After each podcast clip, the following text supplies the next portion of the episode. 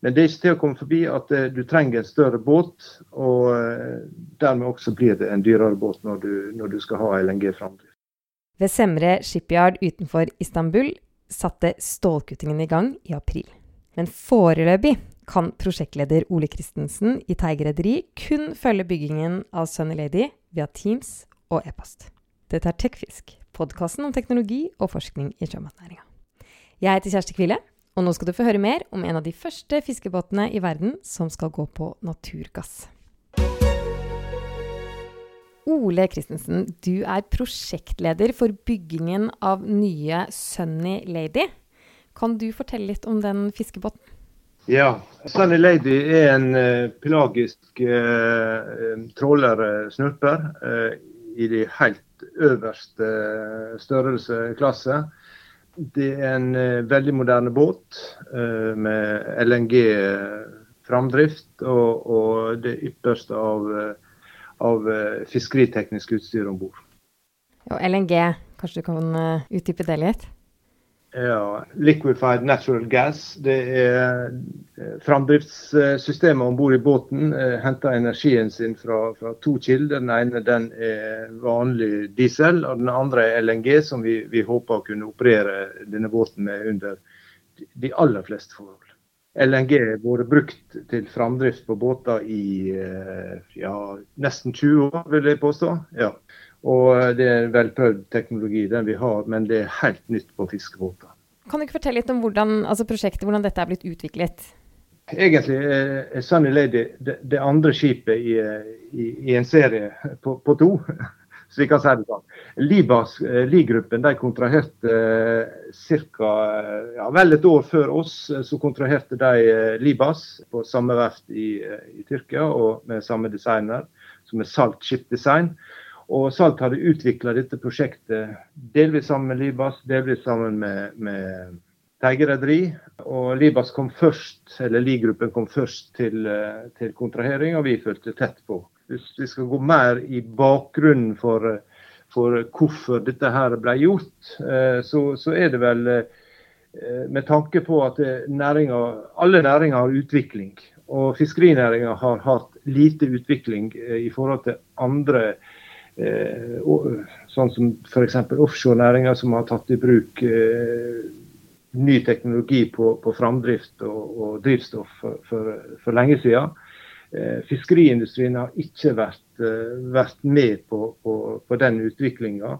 Og, og Teige rederi med, med, Sigurd Teige i spissen så vel at, at, dette her det var noe man måtte begynne å jobbe med. og, og å komme på bane og utvikle framtidens uh, fiskerifartøy.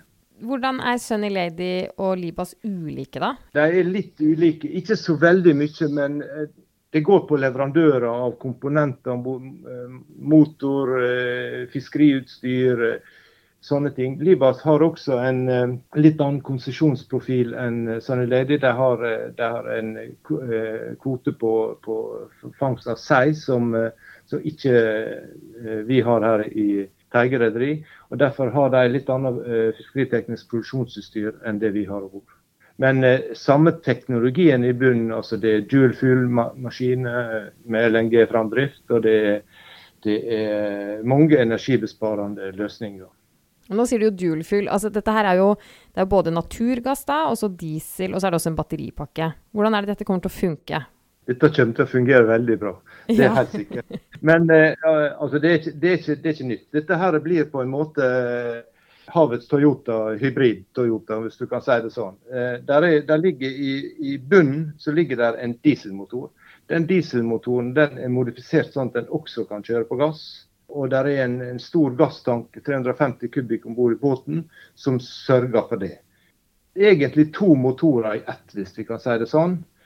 Hvis vi får problemer med, med, gasstilførselen til motoren, så vil den sømløst gå over på diesel. Du vil ikke merke det engang at det, det, blir litt mer støy om bord i båten. For eh, en fordel med, med LNG er at det støyer litt også.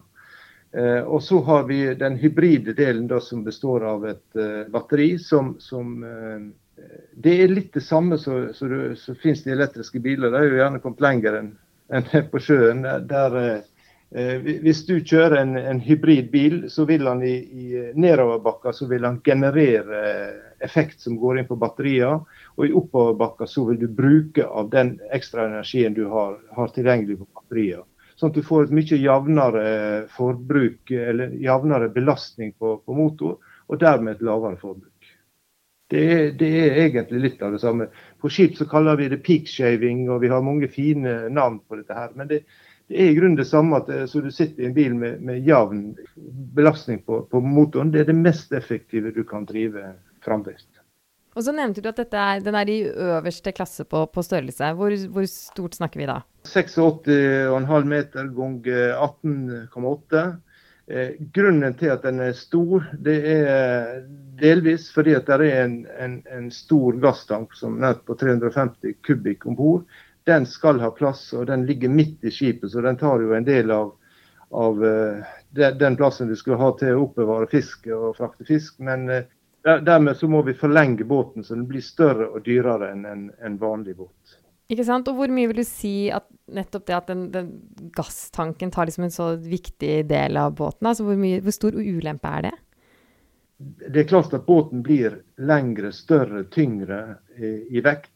Dermed så er han dyrere å drive fram. Han krever mer energi å, å drive den. Eh, dette er jo forsøkt eh, begrensa så mye som, som mulig eh, med, et, med, med, gode linjer på båten og gode sjøegenskaper og sånne ting, som gjør at den er mest mulig effektiv. Men, men det er ikke til å komme forbi at du trenger en større båt, og dermed også blir det en dyrere båt når du, når du skal ha LNG-framdrift. Og når den bruker mer energi, det blir ikke sånn at vinninga går opp i spinninga av det da? Absolutt ikke. Absolutt ikke. Det, det er noe det mye vi kan si om, eh, om LNG-en som, som, eh, som, energi. Den er, den er, jo mer effektiv, eh, altså den er målt i, i kroner og øre, så er den mer effektiv enn en dieselen, egentlig. Å produsere og, og, og bruke. Hvis vi ser på den forurensende delen av LNG-en, så, så, er det jo en, en vesentlig fordel med, med lavere utslipp. Eh, både når det gjelder, når det gjelder CO2, det, spesielt NOx, og uh, svovelutslipp som er fullstendig vekke, og også sotpartikler som er helt vekke. Så altså, motoren i seg selv forurenser mye mindre. Eh, vi har et, eh, selvfølgelig et litt høyere energiforbruk eh, i forhold til en, en, båt uten LNG, som vil du kunne bygge litt mindre. Det har ikke noe stor betydning. Det, det, er mer det at vi må ha en større båt. En ting er at vi bruker en moderne fuel, eller en, en, en ren energi. Men det viktigste er jo ikke bruke energi, altså energieffektivisering i, i, i alt du gjør.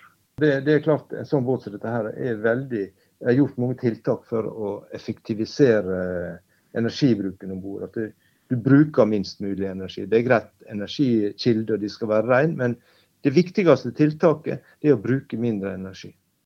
Nå har vi jo snakket litt om dette som om dette er et skrivebordsprosjekt. Eh, men det, det, er det jo ikke lenger. Hvor er uh, Sunny Lady i løypa nå? Eh, Sunny Lady blir bygd på, på Semre shipyard eh, rett utenfor Istanbul i eh, Tyrkia. Vi hadde stålkutting i april, og vi er nå kommet så langt at eh, ja, en, en, tredjedel av eh, blokkene eller, eller, seksjonene er ferdig stålkutta og under bygging. Vi er ikke kommet på båten ennå, men, men vi, er, vi, er, godt i gang med stålbygginga av båten. Ja.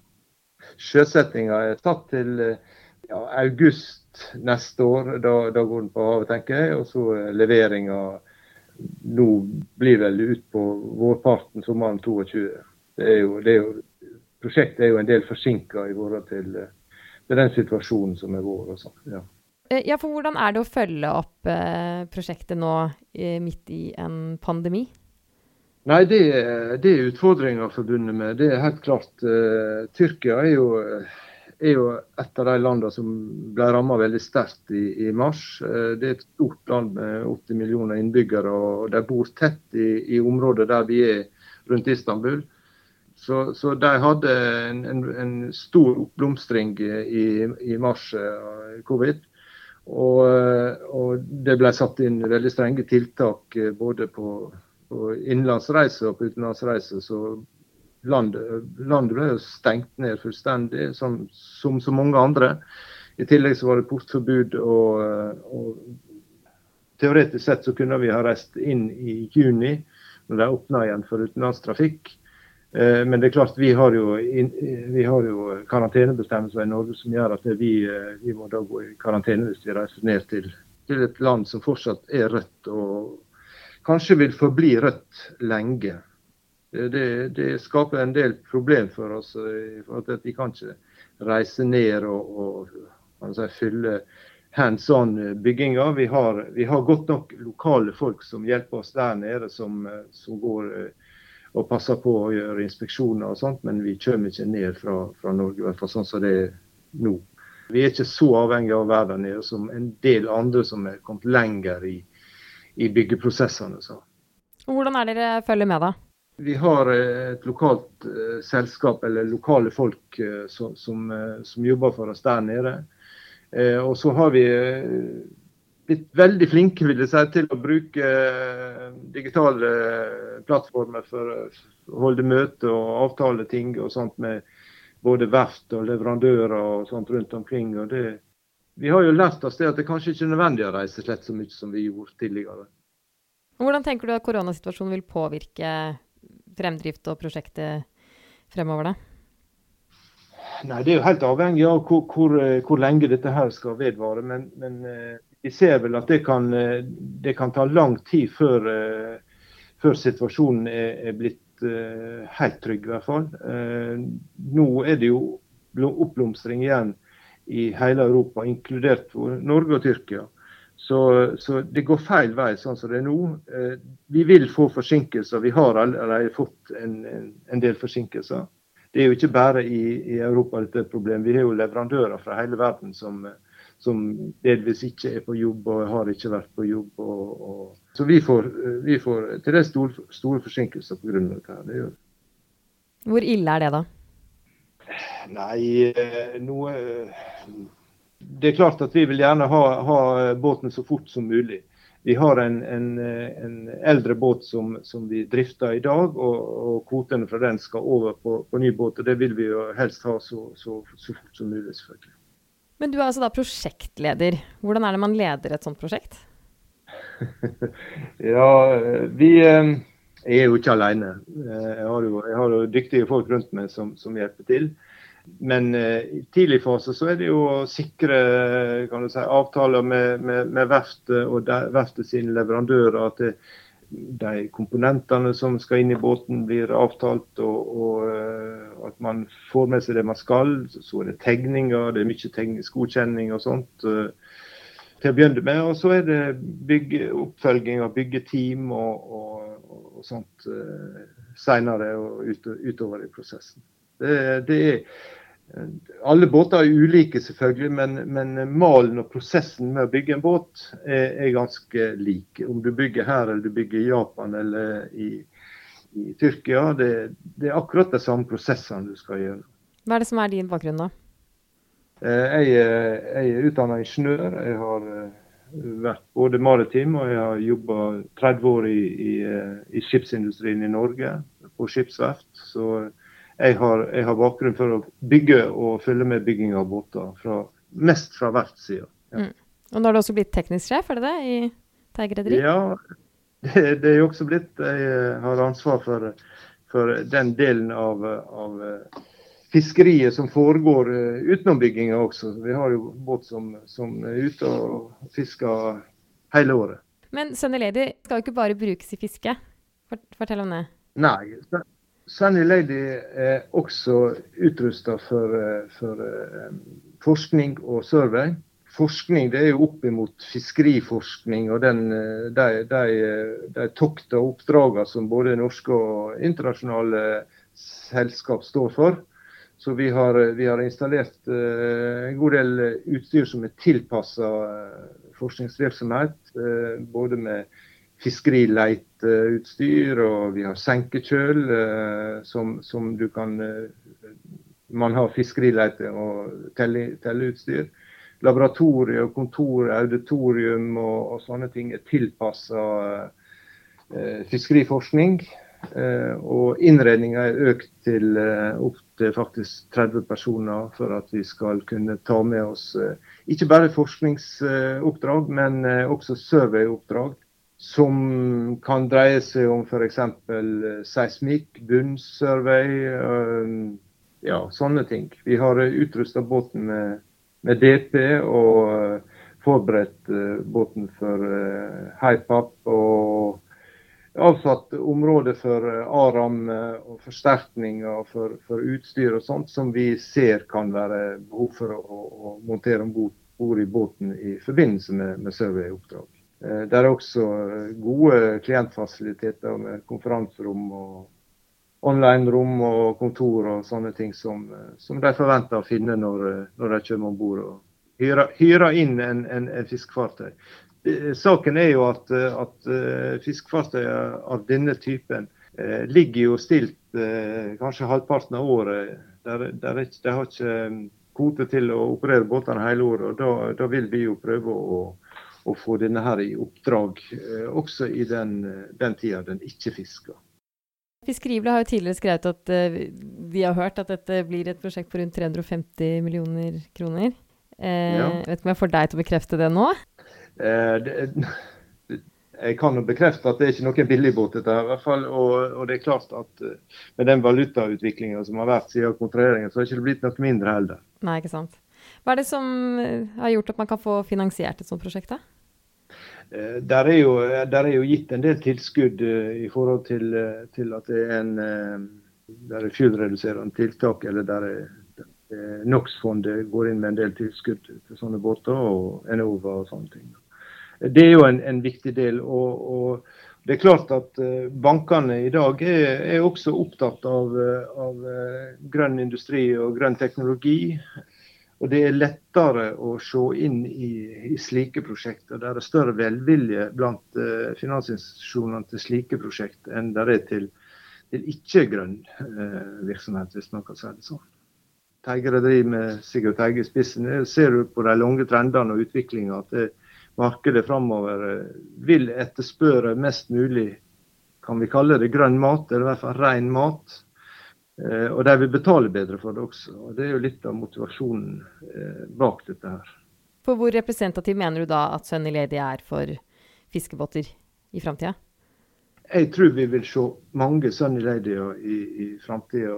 Dette her er første steget. Eh, vi, vi, tror ikke at fasiten på framtidens båt ligger her med, med de framdriftssystemene vi har i dag. Men for, for, for over et år siden, når vi, når vi, kontraherte, da var den teknologien vi har bakt inn i båten, det er det beste og den, den, den reneste vi, vi, kan få som er si, omsettbar i dag Eh, Framtida vil bringe andre ting. Det vil bringe eh, ammoniakk og det vil bringe eh, hydrogen og sånne ting. Men det er mer på eksperimentstadiet. Jeg tror, jeg tror fiskeflåten vel eh, egnet til å, å, hente inn den teknologien etter hvert som den, den, den kommer. Da må du ha takk for det. Takk for meg. Du har nå hørt på Tekfisk, podkast om teknologi og forskning i sjømatnæringa. Vi er endelig tilbake etter en temmelig ufrivillig pandemipause. Og neste uke intervjuer min kollega Kjetil Svendsen daglig leder Harry Heggholmen i Strusshamn båt. De snakker om byggingen av en helt annen båttype enn Sunny Lady, nemlig en splitter ny sjark som fremdeles befinner seg på tegnebrettet. Vi høres!